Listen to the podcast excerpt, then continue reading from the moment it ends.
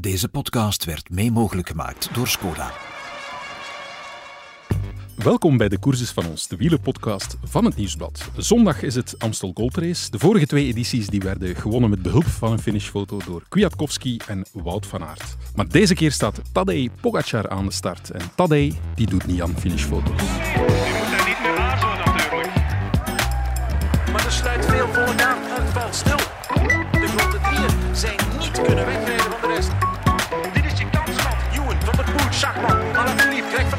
Van Avermaat en Stuy zit erbij. Nu wordt het interessant. Voor de Amstel Gold Race hebben we twee Golden Boys van het Nieuwsblad opgepoetst. Wim Vos, chef wielrennen. Dag Michael, Enigszins ongemakkelijk door mijn inleiding. inderdaad. En eh, Jan-Pieter Vlieger, chef wielrennen. Jij bent meer vertrouwd met dergelijke aansprekingen, neem ik aan. Je hebt mij nu net gepromoveerd tot eh, chef wielrennen. Het is eh wielerredacteur, excuseer. Ja, dat is, eh, goed. Wim is daar nog niet van op de hoogte. Hè. Ja, ik hou het nog even stil. eh. Dank u wel, Michael. goed. Eh, ja, we zijn goed begonnen, zou ik zeggen.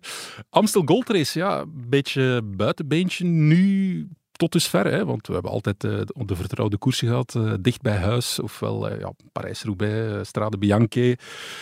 Maar de Amstel Gold Race is zo'n beetje ja, een dubbeltje op zijn kant. Hè. You, you love it or you hate it. Ben jij een lover of een hater, eh, Wim? Ik ga me niet echt als een grote lover outen hier, maar ik vind het wel een wedstrijd waar weinig mis mee is. Zeker Ja. de laatste jaren. Eh, ze hebben de aankomst een beetje verlegd. Het ligt niet meer zoals het jarenlang was bovenop de Kouberg. Het is nu in Berg en Terblijt, heet het dorpje. Ja. De Kouberg zelf is ook uit de ultieme finale gehaald. En ja, dat heeft de wedstrijd toch wel eh, deugd gedaan. Wim die neemt het al direct op voor de Amstel. Jan-Pieter, eh, ja, ik ben zal mijn jij... verantwoordelijkheid opnemen en dan het, eh, het andere kamp. eh, Gelukkig maar. Nee, Nee. ik, ik, ja, Wim heeft gelijk, er is niks mis met eh Amstel Gold Race, maar ik heb wel elk jaar zo'n beetje het gevoel van eh, in, in een wak te vallen of een beetje decompressie na Parijs-Roubaix. Vorig jaar was het dan anders, omdat de Amstel toen voor Parijs-Roubaix viel, uiteraard.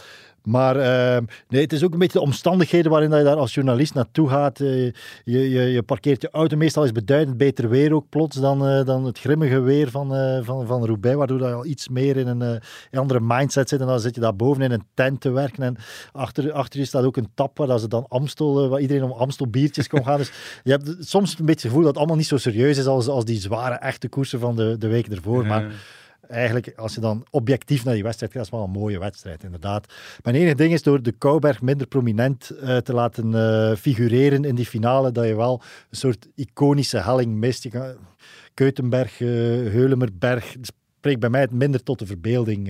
Ja. dan in de Ronde van Vlaanderen kan iedereen vijf hellingen opnoemen, in Parijs-Roubaix drie kasseistroken. Ik weet niet of iedere wielerfan zomaar drie hellingen uit de Amstel Gold Race kan, eh, kan opnoemen. Ik had er een eh, interview over met Erik Dekker en Michael Bogert. Een tweetal weken geleden. Zijn twee ex-winnaars van eh, de Amstel Gold Race. En die waren eigenlijk de hele tijd bezig dat de schuld was van de Belgen dat de Amstel Gold Race zo'n beetje een slechte reputatie heeft. Ehm, dat wij altijd lacherig doen over eh, de Amstel Gold Race en, en zitten te zeuren over het zijn allemaal smalle wegen en dergelijke. Waarbij zij zeiden van ja, alsof dat er nooit iemand de Paterberg heeft opgereden. Dat zijn dan wel brede wegen. Enfin, ze, ze wezen een beetje naar ons die eenmaal dat de Vlaamse koersen voorbij, is, eh, voorbij zijn, dat precies allemaal niks meer voorstelt. Ja. Terwijl, als je het nuchter bekeek, bekijkt, en dat was dan toch heel erg hun standpunt, is de Amstel Gold Race. Het is misschien niet de wedstrijd met de allergrootste traditie, dat willen ze nog wel toegeven. Ehm, maar het is gewoon wel een mooie wedstrijd. Ja. En dat is ook wel zo, denk ik. Ik moet zeggen, ik ben er al een aantal keer gaan fietsen. Het is echt een heel mooie streek ook. Heel vriendelijke mensen. Eh, echt prachtig ook. Wijngaarden zelfs enzovoort. Het is, het is echt iets om te ontdekken. Maar natuurlijk op televisie zie je dat niet altijd zo. En misschien hebben eh, Dekker en Bogert wel gelijk dat het toch een beetje aan ons ligt dat wij... eh, ja, dat wij onze, naar onze navel staren. En, Ja, en natuurlijk aan al die jaren dat echt bovenop de Kouberg ja, aankwam, dan had je echt wel een beetje een monotoon, saai koersverloop. Jean Milan Sanremo bijna. Waar- of Waalse Pijl nooit- ook, hè? Ja, waar er nooit iets gebeurt tot aan Ja. de, eh, de muur van Hoei in de Waalse Pijl, tot aan de Ja. Poggio in Milan Sanremo. Had je dat toen heel erg, er gebeurde niks. Tot de laatste keer Kouberg. Dan vlogen de favorieten die Kouberg op. En wie dat het best deed, die won de wedstrijd. meestal Philippe Gilbert. In- toch eh, een aantal jaar. En dat, dat was inderdaad niet het beste koersverloop. Maar voor die periode had je, eh, heb je heel lang een aankomst in Maastricht gehad. Ik was dan veel jonger, maar ik herinner me best nog wel boeiende wedstrijden toen. Met, met Bogert Armstrong een duel. Ehm, ik herinner me een soort van massasprint waar Luc Roze zijn armen omhoog stak. Een Belg die dacht dat hij gewonnen had. En Adi van der Poel die in laatste instantie nog overkwam. Het waren best allemaal wedstrijden met een verhaal. En de Kouberg, of die jarenlange aankomst op de Kouberg, heeft een beetje die reputatie van de wedstrijd Ja. in de zeep geholpen. Het is natuurlijk niet evident, want als je daar ook gaat fietsen als wielertoerist, welke helling wil je oprijden? Dat is de Kouberg, al de rest inderdaad, ja, wat is dat daar? Straatjes, hellingsjes. Maar de Kouberg, die wil je oprijden, de meest iconische klim. En ik kan me voorstellen dat het als organisator niet evident is om die los te laten. Ik herinner mij ook dat er eh, op een bepaald moment een, een WK in Valkenburg was, dat men toen van dat WK de finish ook voorbij de top van de Kouberg gelegd had. En toen ja, toen ondervond men al van, tja, dat wordt toch iets interessanter, een groepje. Er is een beetje het spel van, komen ze terug, komen ze niet terug. En misschien heeft dat ergens geholpen, duwtje gegeven in de richting van, Ik denk ja, ook dat kill het- your darlings. Ja, ik denk ook dat het heel erg pragmatisch was. Op een gegeven moment raakten ze nog moeilijk al hun VIP-tenten en, en dergelijke kwijt boven op de. Kouberg. Ja, en dan hebben ze de aankomst eh, een paar kilometer achter de Kouberg gelegd, omdat daar wat meer ruimte was. Ja. En ik denk door die omstandigheden, een beetje per toeval, is dat allemaal goed uitgedraaid. Ja. Goed, ben je lover of hater? Doet er eigenlijk niet toe, want Tadej Pogacar start in eh, de Amstel Gold Race. En ja, een koers waar Tadej Pogacar start, ben je altijd een lover, toch? dat wordt eh, interessant, punt. Het is alleszins heel mooi dat hij alweer de moeite doet om die verplaatsing vanuit Slovenië naar, naar in dit geval Nederlands-Limburg te maken. Is het niet vanuit Monaco? Dat Eh, ja, misschien is- Officieel voor misschien de, de hij dit weekend bij zijn belastingcontroleur luistert mee, dus hij woont in Monaco. Misschien Nee. zat hij dit weekend bij zijn ouders in Slovenië, Michael. In ieder geval, hij komt deze kant Ja. uit. Eh, ja, dat is mooi. Ja. Ja, inderdaad, eh, attractie. Heel fijn dat hij dat die rijdt. Hè. Ja, de Ronde van Vlaanderen, het lijkt nog niet zo lang geleden. Je zou dan denken van, nu moet het toch stilaan aan de Tour beginnen denken. Maar nee, je pakt er nog een, een flink luikje bij. Luik ook letterlijk, maar nu... eh, Sorry, dit was echt, echt niet de bedoeling. Maar die Amstel Gold Race, dat is wel helemaal speciaal dat hij er nog bij pakt. Hè. Dat, dat hoefde hij niet te doen. Hè. Eh, nee, en ja, de, de berichtgeving loopt een beetje uiteen, maar het, het lijkt alsof dat hij eh, Amstel, Waalse Pijl en, eh, en Luik zal doen. Dus hij neemt, eh, hij neemt zeker geen gast terug. Eh, bijvoorbeeld Vinje, Vingegaard en eh Roglic eh, doen, doen, die slaan het hele, de hele Ardennen over. Pogacar doet het wel, dus eh, dat is inderdaad eh, opvallend. ja, en dan vraag je toch af, heeft hij daar nooit last van waar wij last van hebben na de Vlaamse klassiekers? Toch enige decompressie. Ja. Uiteindelijk, hij heeft de Ronde van Vlaanderen gewonnen. Dat voorjaar is sowieso geslaagd. Zijn volgende grote doel, dat zal toch zo de emir in, in wat is het, eh, in de Emiraten overdenken, is de Tour die hij moet winnen. Hmm. Ja, is dat dan echt nodig dat je ook dit drieluik nog eens op volle kracht gaat rijden? Ik, ik, Ik kan het me is mooi dat, ja, ik kan me het me ook niet voorstellen. Het is mooi dat hij het doet. Maar ja, is het ook verstandig? Is het, is het, ja, is het nodig? Ik weet het niet. Ik vind het zeker opvallend na een tour waar dat hij vorig jaar eh, op zijn, op zijn donder gekregen heeft van Vingegaard, dat hij toch niet schrapt in zijn, eh, in zijn programma, dat hij echt veel, veel blijft koersen. Natuurlijk, ehm, ik had een interview met hem voor de, voor de Ronde van Vlaanderen. Het is zo, hij, hij gaat niet graag op hoogtestage, dus dat is waarschijnlijk zijn alternatief dan, om dan wat meer koersen te doen dan, eh, dan, dan Vingegaard bijvoorbeeld, of, of, nu eh, Wout van Aert die die lange break neemt. Eh, drie weken, hij, vindt dat dat een te groot eh, aanslag is op zijn, op zijn privéleven en zo. Dus ja, ik be- begrijp wel dat, dat je het ergens op een andere manier wilt invullen, maar koersdagen zijn ook wel stressdagen natuurlijk. En die trainingstechnisch toch veel wegnemen. Heb je hem dat niet kunnen vragen daar in Monaco of Slovenië op een bankje? Waar was het dat je hem geïnterviewd hebt? Nee. Het was in het Parkhotel in eh Waregem, eh, wel aan een, eh, aan een tafeltje in het restaurant. De afspraak was 15 minuten, maar hij was zo vriendelijk om er eh, 21 minuten van te Wow. maken. Maar dat is Ja. kort om veel Ja, extra vragen te stellen. Of, maar allee, geen eh, verkeerd woord. Nee, nee, nee, eh, nee. Het is niet evident eh, Nee. of niet vanzelfsprekend dat de, de, de toerwinnaar of tweevoudig toerwinnaar één op één interviews geeft. Maar ik vond het wel heel interessant wat hij zei. Maar het is bijna een voorzet. Je zou er meer willen over weten. Van het feit dat hij zei van "Goh, die hoogtestage doe ik echt niet graag. Hij is ook nog niet op hoogte geweest tot dusver. Nee. Gaat dat wel doen richting de Tour. En dan kan je het ook omdraaien, want wij gaan er altijd vanuit, wij gewone stervelingen, van ja, koersen, dat bezorgt hem stress, eh, dat, dat gaat gepaard met druk. Maar misschien is het in zijn hoofd dan omgekeerd. Uh, stuur hem vooral geen berg op en is dat iets waar hij, waar hij zou vermoeid van geraken, mentaal vermoeid van geraken. En dat koersen, ja, kost hem dat eigenlijk geen energie? Is dat een ja, energiegever. Uh, ondanks het feit dat, dat wij dat perciperen als van ja, oef. heeft ook tot dusver, ik heb het opgezocht, nog maar 16 koersdagen. Dus ergens miskijken we er ons ook wel een beetje op. Het lijkt heel veel, maar 16 valt best mee. Hè? De fysieke ballast die wil ik nog niet overdrijven, maar het is vooral het mentale. Hè. Dan, hmm. Als hij naar hier komt, ja, dan, dan willen wij opnieuw dat interview. Straks aan de start zal hij opnieuw de meest besproken renner zijn. Ja, dat moet je toch ook allemaal verwerken. Ja. Plus, je zou denken dat er een soort van ja, ideale wetenschappelijke voorbereiding is na dat volgende grote doel, de Tour. Ik zie dan toch renners zoals Vingegaard die gewoon niet naar hier komen. Hmm. Of Roglic, een ex-winnaar van Laak, die dan weliswaar in functie van de Giro, die veel korter bij is, ook Luik overslaat. Ja, dat is toch allemaal met een soort van, van ja, wetenschappelijke achtergrond, denkende van, dat is niet ideaal naar dat volgende grote doel. Of gewoon ik zal maar eens vallen. Ik denk dat die overweging soms ook meespeelt.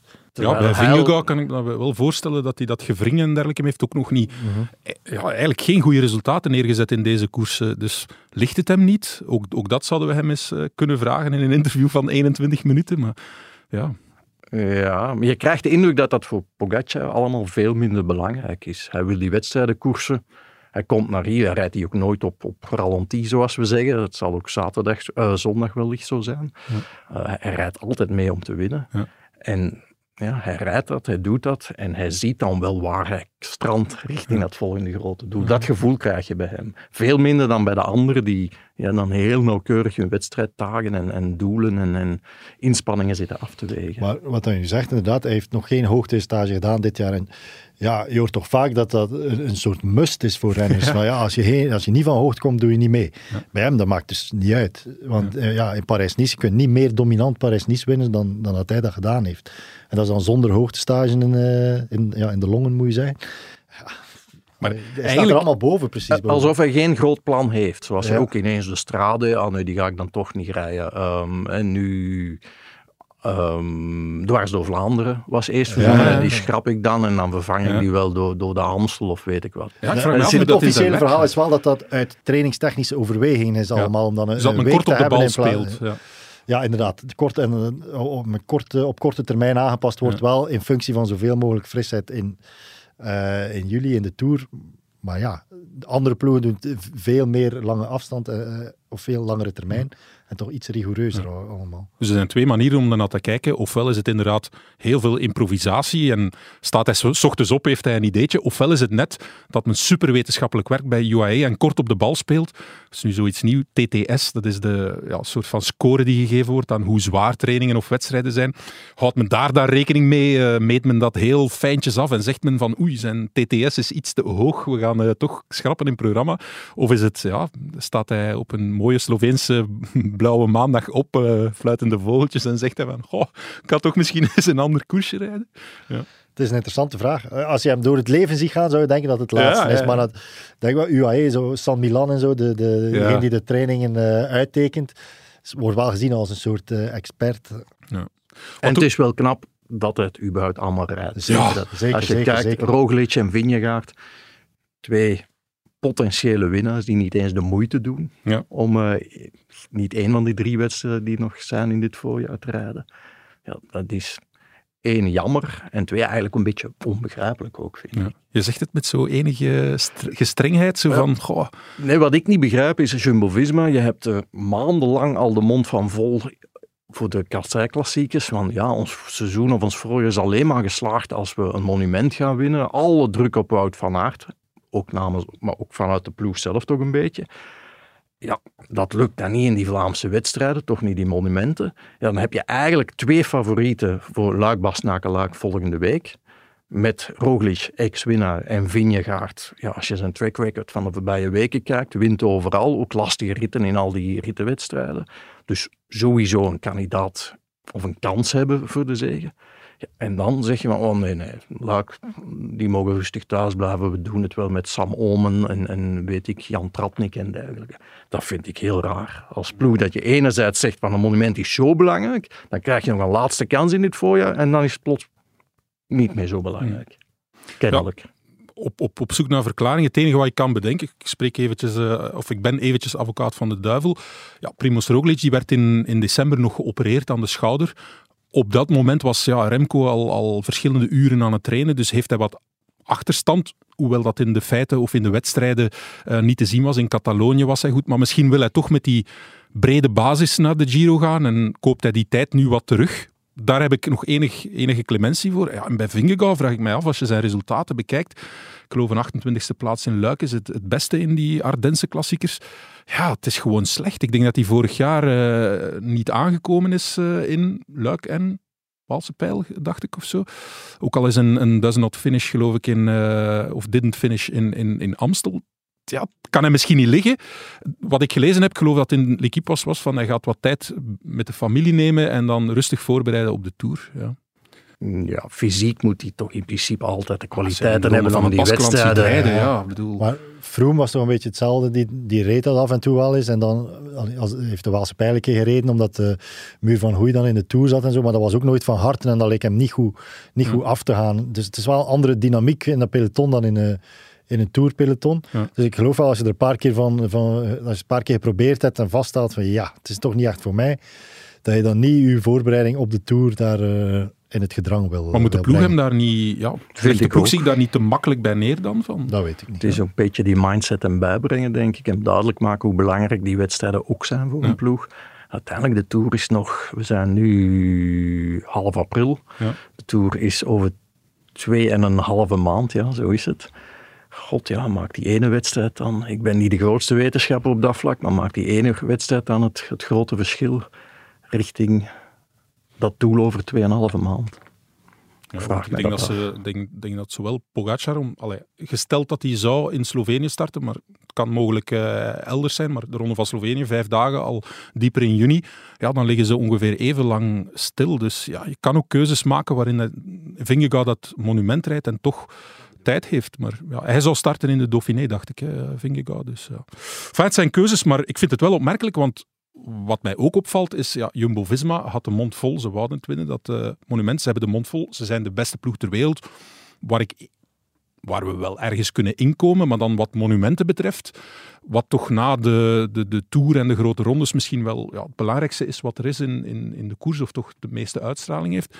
Ja, daar geven ze toch niet echt thuis. En dan hebben we het niet alleen, dan kijken we niet alleen naar Wout van Aert, voor alle duidelijkheid. Het is van 2020 geleden, denk ik, dat ze, ja, toen hebben ze er twee gewonnen met Milan Sanremo en Luik, Roglic. Maar ja, het ziet er niet naar uit dat het dit jaar gaat veranderen. Dan zijn we 2024. Als beste ploeg ter wereld, waar is het plan daar om, om, om te zeggen van... Ja, nu, mikken ze, nu, nu kijken ze naar Wout van Aert. Win jij die monumenten? Maar ze- er zijn er nog meer ook. Hè? Ja. Het is vooral het gebrek aan, aan, aan consequentheid, vind Hm. ik. Ehm, wat je zelf zegt. Hè. Alles, alle druk op Van Aert voor Ronde van Vlaanderen, Roubaix. En dan die derde kans, waar je evengoed topfavorieten of topkanshebbers hebt. Die laat je dan gewoon thuis. Dat vind ik raar. Ja, goed. eh, enfin, ze gaan het doen nu met eh Valter en Benoot. Ehm, ja, wie weet. Ja.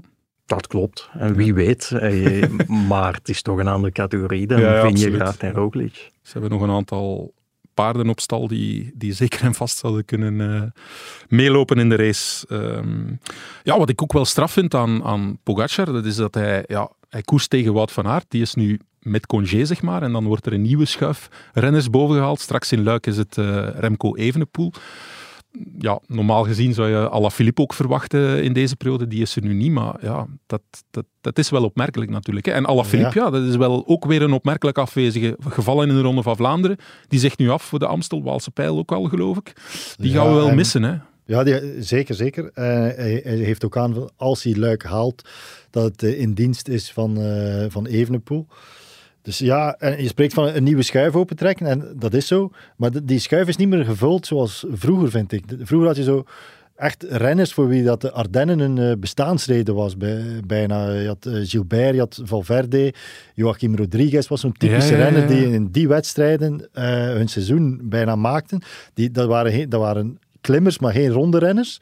Die explosieve klimmers. En als je dan nu naar dat profiel kijkt, wie beantwoordt daar nog aan?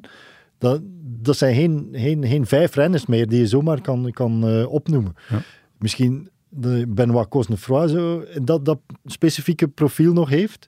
Maar dat is, ja, na, na Palmares in de Ardennen eh, kan, je niet, kan je die vergelijking niet maken met, eh, met Gilbert, met Rodriguez. Eh, ik weet het niet. Het, het is vooral ronde renners die nu even naar de Ardennen komen en daar Ja. al dan niet een groot doel, doel van maken. Het is toch een, een, een ander segment of een andere la dan eh, vroeger. Ja. Waar is eh, de lade met de typische Ardennen-coureurs? Nee? Ah, Michael Woods, denk Dat ik dan zo. Ja. Nog het type. Ehm, ja, inderdaad. De, de- de- het is minder uitgesproken dan het vroeger was. De afwezigheid van Alaphilippe stelt het wel op scherp. Want dat is Ja, iemand want die hij, wel was wel iemand, hij is 100% wel iemand zo. dat, dat Een profiel heeft zou het Ja, moeten zijn. ja, dat hadden we verwacht het een aantal paar jaar Ja, geleden. Die heeft dat dan niet maar die kan het ook waargemaakt. niet meer waarmaken. Nee. Ja, het is toch Er opmerkelijk. afwezige bijvoorbeeld Michael Matthews, waarom dat hij de Amstel niet rijdt, geen idee. Ja. Geraint Thomas, dat is toch ook iemand die... We dachten ooit dat hij vijf... Hij won E3, denk ik, en dan maakten we stukken van iemand die de vijf monumenten kan winnen. En Volgens mij heeft hij er zich bij neergelegd dat hij er geen enkel zal winnen. Ik denk niet meer dat het nog eh, erin Nee, zit. oh ja, of het zal bij de fantastische Masters carrière natuurlijk, Ja. Maar niet in het eendagswerk. Ja. Ja, er wordt natuurlijk ook geschift in het programma. Hè. Het mag allemaal niet te veel zijn, hè, Wim? Ja, dat, dat horen wij dan van alle kanten. En dan zeker die ploegen die dat dan allemaal door allerlei wetenschappelijke theorieën ondersteund, zeer, zeer ja, evenwichtig omspringen met wedstrijddagen en dergelijke. Maar dan kijk ik naar, naar eh, voor mij ook weer alweer iets onbegrijpelijks. Ehm, Joshua Tarling heet de jonge man. Hij is, dacht ik, vorige maand of in februari net 19 geworden. Net 19. ja. Net 19 geworden. Dus jonge man is op zijn plaats. Fiets bij Ineos. En dan kijk ik, die jongen heeft al 21 wedstrijddagen dit jaar. Wat 21, gigantisch veel is, vind ik. Zeker op die leeftijd. Die wedstrijddagen zijn ook niet de kleinste wedstrijden. Hij is begonnen nog in Bessèges. Dat, dat, dat kunnen we nog een kleine wedstrijd noemen. Maar dan UAE toegereden. Parijs-Nice gereden. E3 gereden. Vorige week start hij in Parijs-Roubaix rijdt hij uit, weliswaar buiten tijd komt hij aan. Gisteren start hij in de Brabantse Pijl en nu zie ik die jongen opnieuw opstaan voor de deelnemerslijst voor de Amstel Gold Race. Jezus. Ja. Ja, 19 jaar net. Ja, en nu is Ineos toch niet de, de, de, de meest domme ploeg. Ja. Dat zijn toch rare dingen allemaal. Bovendien, ik heb dan ook nog eens gekeken, ik ga af op wat Pro Cycling Stats mij zegt, maar vorig jaar had hij 13 wedstrijddagen. Logisch voor een jongen van Ja. dat moment 18. En zijn langste wedstrijd was 135 kilometer, die hij niet heeft uitgereden. Dat was het WK voor de junioren.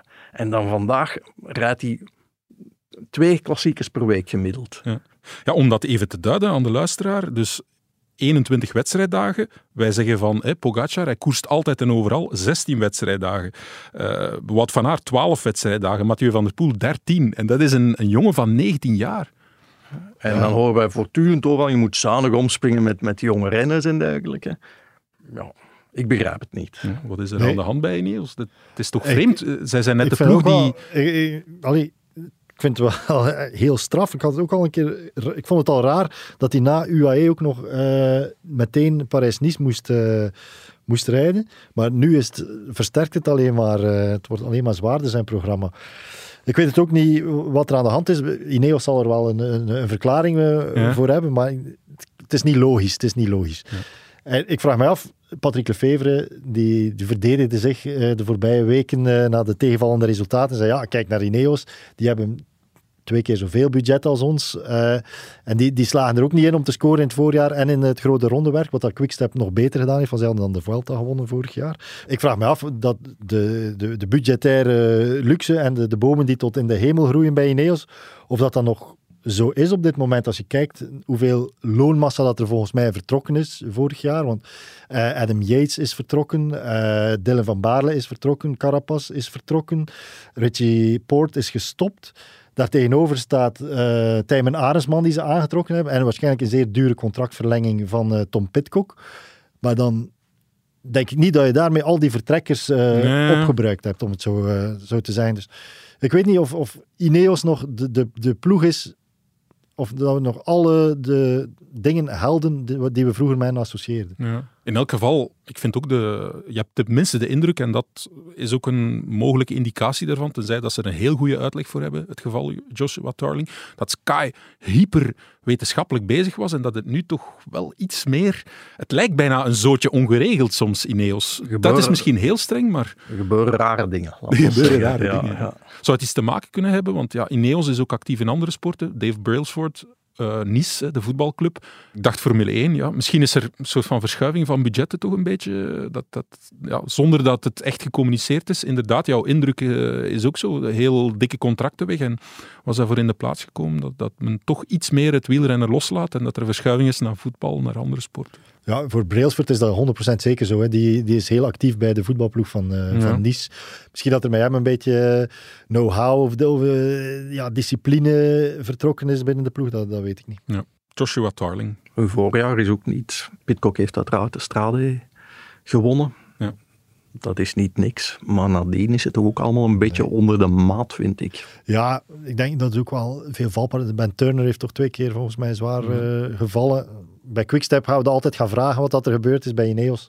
Iets minder, Ja. waardoor dat, Ja. dat dat soms een vertekend, eh, Ja. vertekend Het beeld zal aan eh, lekke banden en ja, valpartijen. en, eh, ongetwijfeld. Iedereen is al schijfremmen die een beetje blokkeren en dergelijke meer. Voor de rest heeft het nergens iets mee te maken. Maar Joshua Tarling, de arme jongen, die mag stevig aan de bak op zijn 19 jaar. Ja, wij hadden een, een rustiger jeugd in die dagen, moet ik zeggen.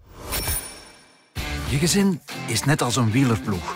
We moedigen elkaar aan. En we weten dat we met de tips van onze ploegleider we alle kansen hebben om echte kampioenen te worden. Skoda, supporter van de grootste fietsfamilie. Zeg Wim, we zijn al een tijdje bezig. Eh, waar is jouw oude koe? Ah. Eh, Onze trouwe luisteraars weten dat. Jij komt telkens met een oude koe. En ik ben toch wel benieuwd of jij ook over de Amstel Gold Race, een koers die uiteindelijk nog maar bestaat sinds 1966, eh, toen opgericht is door Herman Krot, Ja, dus klopt. letterlijk een krotkoers.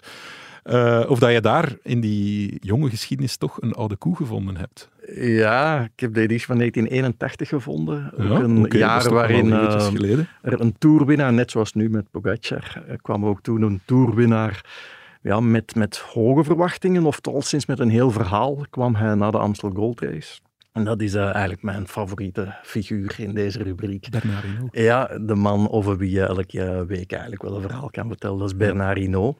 Eh, misschien even karakterieel schetsen. Het is Ja, ze noemen Ja. hem de das. Ik weet niet of dat, dat beest een beetje nukkig en koppig is en wat ballorig. ja. Ehm, als dat zo is, dan eh, ja, is die bijnaam bijzonder toepasselijk. nukkig, koppig, ballorig. Ja, laten we zeggen eigenwijs op zijn Eigenwijs, minst. En dat is ook in 1981 zo het geval. In die jaren moet je weten dat de Amstel Gold Race nog een vrij jonge wedstrijd is. En dat jaar krijgt ze voor het eerst ja, een soort van officieel predicaat van de toenmalige UCI als klassieker.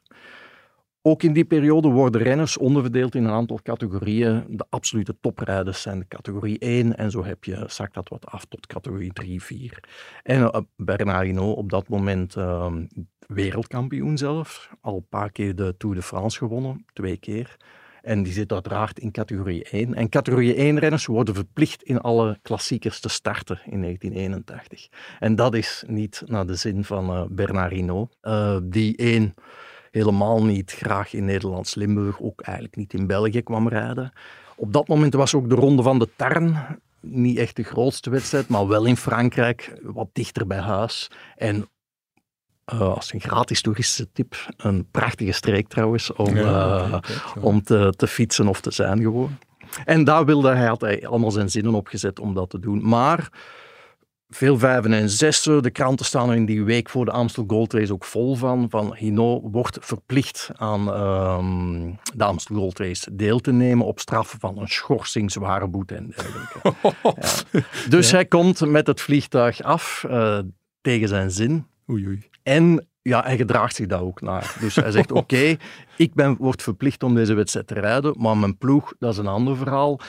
En hij komt met een mini-ploeg van amper vijf renners af. Al een beetje tegenzet. Sportwa ehm, volgwagens, sportdirecteur, nam hij allemaal niet mee. Mechaniciens, als ze wilden dat hij nou aan de start kwam, moesten ze daar zelf maar voor zorgen. Ja. Wat ook gebeurd is, want er is daar een lokale amateurploeg, heeft zijn volgwagen ingeschakeld om met eh, reservemateriaal van Hino. Een reservefiets had hij ook niet bij. Ook dat moest de, de organisator voor hem eh, voorzien. Ehm, en ook zijn, zijn rennerslicentie, zo'n soort van officieel document dat je als bij elke officiële inschrijving moest tonen, had hij allemaal in Frankrijk gelaten. Ze zullen niet wel weten wie Hino is, die, die tonen een beetje. Enfin, hij start dan toch en op dat moment denkt de organisator nog van, ja, hij zal wel eh, hier na, na 20 of 50 kilometer eh, pijn aan zijn knie hebben en afstappen. En dat spel speelt hij ook, want inderdaad, in het begin van de wedstrijd gaat hij ergens drie minuten aan de kant staan. Hij prutst wat aan zijn fiets, hij tast wat met zijn benen. Iedereen denkt dan van, ja, dat is het Ja, voor Hino. ja. Maar nee, hij stapt toch terug op zijn fiets. En ja, dan komt er iets in Hino, een man met een geweldige geldingsdrang, los blijkbaar. En ehm, het is een heel saaie editie. Toen ook nog met vaak massasprinten kreeg of sprinten met een grote groep. En ja, tijdens de wedstrijd, ik heb hem zelf ooit eens voor een verhaal gevraagd en hij zegt van, ja, er kwam iets in mij, noem het motivatie, maar ik dacht van, als ze, zo, ja. ja, als ze me dan toch naar hier komen eh, sturen, dan zal ik ze eens even laten zien wat ik kan presteren ook. En ehm, ja, we krijgen dan een sprint van een 60 man, denk ik. En dat kon Hino. Ehm was niet echt een pure sprinter, maar hij heeft dat ooit later, of misschien zelfs voordien, maar ik denk later eigenlijk, op de Champs-Élysées gedaan. Toch waar iedereen weet in de Tour, daar is het altijd een massasprint. Maar Hino kon zich aan het kop van het peloton zetten en altijd maar sneller, sneller, sneller, sneller beginnen rijden, tot er niemand gewoon nog overkwam. Hij heeft ook die rit op de Champs-Élysées gewonnen. En op dat moment doet, hij hetzelfde in de Amstel Gold Race. Dus op 1,5 kilometer van de finish zet hij zich aan kop. En ehm, Roger de Vlaming zit mooi in zijn wiel, denkt van ja, ik ga straks uit dat wiel komen en ik win de Amstel Gold Race. Maar Hino gaat maar sneller, sneller, sneller. En Roger de Vlaming, zelfs Roger de Vlaming, geraakt er niet meer over. En wordt tweede trouwens, na Bernard Hinault. Dus die tik tegen zijn goesting een wedstrijd reed en won. Dus zelfs tegen zijn goesting wint Hino uit pure balorigheid eigenlijk. Ja, ja. Nu moet ik wel zeggen dat, eh, ik weet niet dat je me ooit ontmoet hebt, Michael, maar het is een man die de kamer voelt, zullen we maar zeggen. Iemand echt wel met charisma. Ehm, ik heb dat eigenlijk zelf een beetje ervaren vorig jaar toen ik naar het WK in Australië ging. Oei, ja. Ja, en ik kwam terug een lange vlucht van Sydney naar Londen, met tussenstops in Singapore en dergelijke. En ehm, wie zit er in de rij voor mij in het vliegtuig? Oei, oei, oei. Ik voel hem al aankomen. Inderdaad, Bernard Hinault. Pal het stoeltje voor mij. En wat doet Hinault? Denk ik, nou, anderhalf minuut in de lucht hangen. Hij schooit zijn, Ah. zijn stoel achteruit. En ik zat eigenlijk met mijn knieën tegen mijn kin de hele tijd. En tegen elke andere mens, nu, ik geef toe, is aan mij geen Indiana Jones verloren gegaan. De dapperste der Belgen zal ik nooit zijn. Maar tegen elke andere mens zou je vragen, ja, kan je stoel een klein beetje... Ik heb 13 uur met mijn eh, knieën tegen mijn kin gezeten, Michael. Ja, Ik ben blij dat ik hier niet achter zat met mijn meter 94. Ik probeer dan meestal zo wat strategisch te duwen met mijn knie, maar... Laat ons zeggen dat je Hino niet zomaar tegenspreekt. eh, Oké, straffe vliegtuigverhalen. GP, heb jij misschien een straffe vliegtuigverhaal? eh? Eh, toevallig wel. Eh, nee, mijn, eh, het is ook een beetje een ongemakkelijk vliegtuigverhaal eh, Ah, ja, bij mij. oké. Ik werd eh, door de krant uitgestuurd naar de, de Ruta del Sol, wat toen nog vrij ongebruikelijk was, omdat we daar geen, eh, geen belden hadden die eh, hoge ogen hooiden. Maar Chris Froome ging daar koersen en dat was na zijn eh, positieve plas of zijn adverse analytical finding, want het was niet echt Ja. positief. Ik weet niet of hij vrijgesproken was of dat er ergens een tussenfase was waarin dat hij meer mo- weer mocht koersen. Maar in ieder geval, voor de eerste keer sinds dat voorval zat hij opnieuw op de fiets. En ik moest daar naartoe in de hoop dat hij daar iets over zijn zaak zou zeggen. En eh, dat was tamelijk laat beslist. Er waren niet superveel vluchten meer. En ik moest via, een tussenlanding doen via Madrid. En eh, ik stap in Madrid in het vliegtuig. Een superklein vliegtuigje, zo. geen privéjet, maar zo de allure van een eh, privéjet. eh, tamelijk smal zo. En ik zit op mijn stoeltje. De, de enige plaatsen die blijkbaar nog beschikbaar waren, waren iets, de plaatsen met iets meer ruimte vooraan. Dus er stapten een heel aantal renners ook op dat vliegtuig, maar die stapten allemaal door naar achter, naar achter, naar achter. Tot uiteindelijk ook Chris Froome zelf op het vliegtuig stapt. En die gaat in de stoel gaan zitten naast mij. Oh. Niet letterlijk naast mij, maar het, een supersmal hangpad tussen ons. Ja. En dus ja, dat was de man voor wie dat ik naar de Ru- Ruta del Sol ging.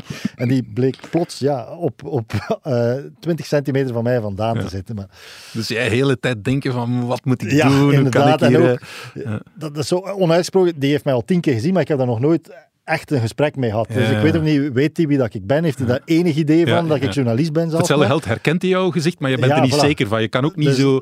Hey Chris. Op nu dat ik dan mijn- moed verzameld en hem aangesproken. Hey Chris, ja, ik eh, ga naar de Ruta del Sol. eh, Uiteraard ook om u te spreken. is de enige kans dat ik u wat vragen mag stellen. En hij zei heel vriendelijk, eh, no, we'll do media tomorrow.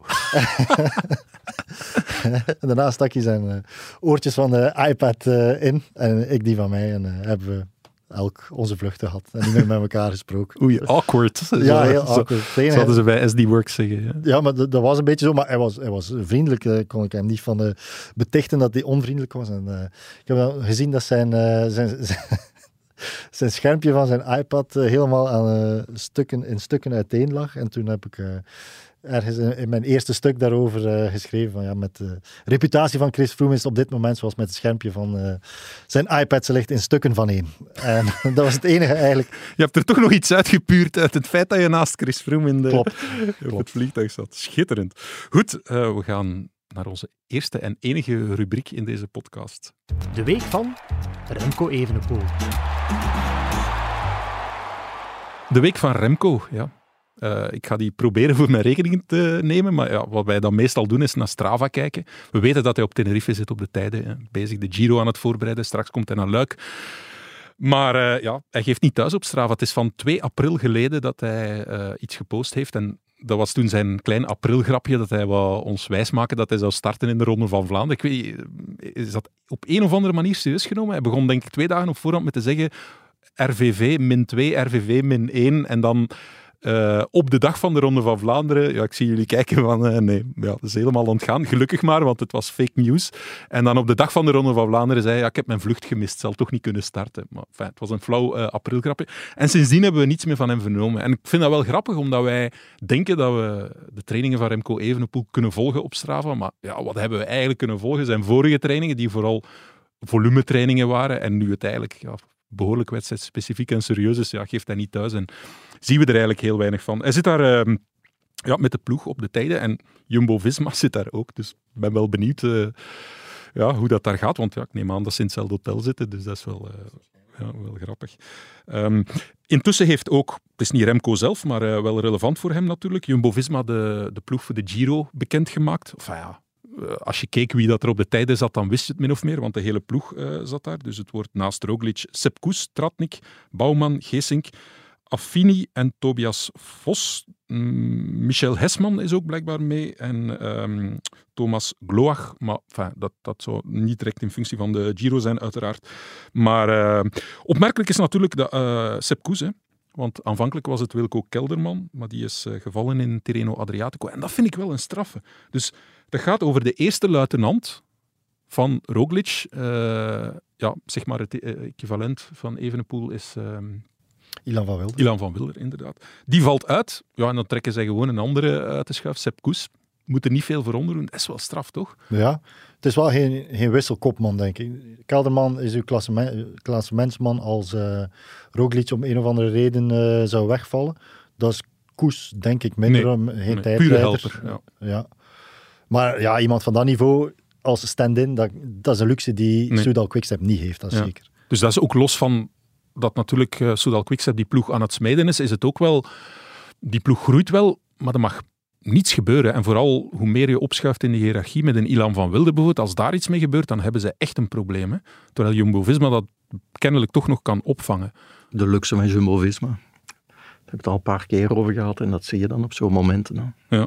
Dus dat is ja, wel... Fausto Masnada heeft ook nog altijd zitvlakprobleem. Hij had er al last van in de Vuelta, waardoor dat hij niet het niveau haalt dat ze eigenlijk verwachten van hem. Ook iemand die echt een knecht kan zijn uh, tot, tot de laatste ja, dus call. Het valt enigszins te nuanceren. Ja, die uh, zal die rol ook in de Giro niet kunnen uh, invullen waarschijnlijk. Ja. Fingers crossed dat alles goed loopt met Remco. We gaan hem nog zien in Luik, maar dat is dan weer voor een volgende podcast. Rest mij jullie te bedanken. We zijn aan het einde gekomen. Bedankt Wim. Graag gedaan. En Michael. heel blij dat je weer een oude koe uit de sloot gehaald hebt. eh. je hebt nog een week om die van Luik eh, te vinden. Ik doe mijn best. Jan-Pieter Vlieger, zeer bedankt. Ik wens jou weinig ongemakkelijke vluchten de komende dagen. Zeer bedankt, was heel fijn. Graag. Rest mij nog afscheid te nemen van jullie luisteraars en eh, ja, te vermelden dat wij onze podium Prono hebben. Ik, ik heb altijd de neiging om promo te zeggen, maar podium Prono, waar je telkens voor eh, ja, de belangrijke wedstrijd die er aankomt, eh, je top 3 kan geven en dan fantastische prijzen. Ik geloof dat 250 euro is in onze nieuwsblad-shop kan winnen. Er is uiteraard op zondag onze koffiekoers naar aanleiding van de Amstel Gold Race.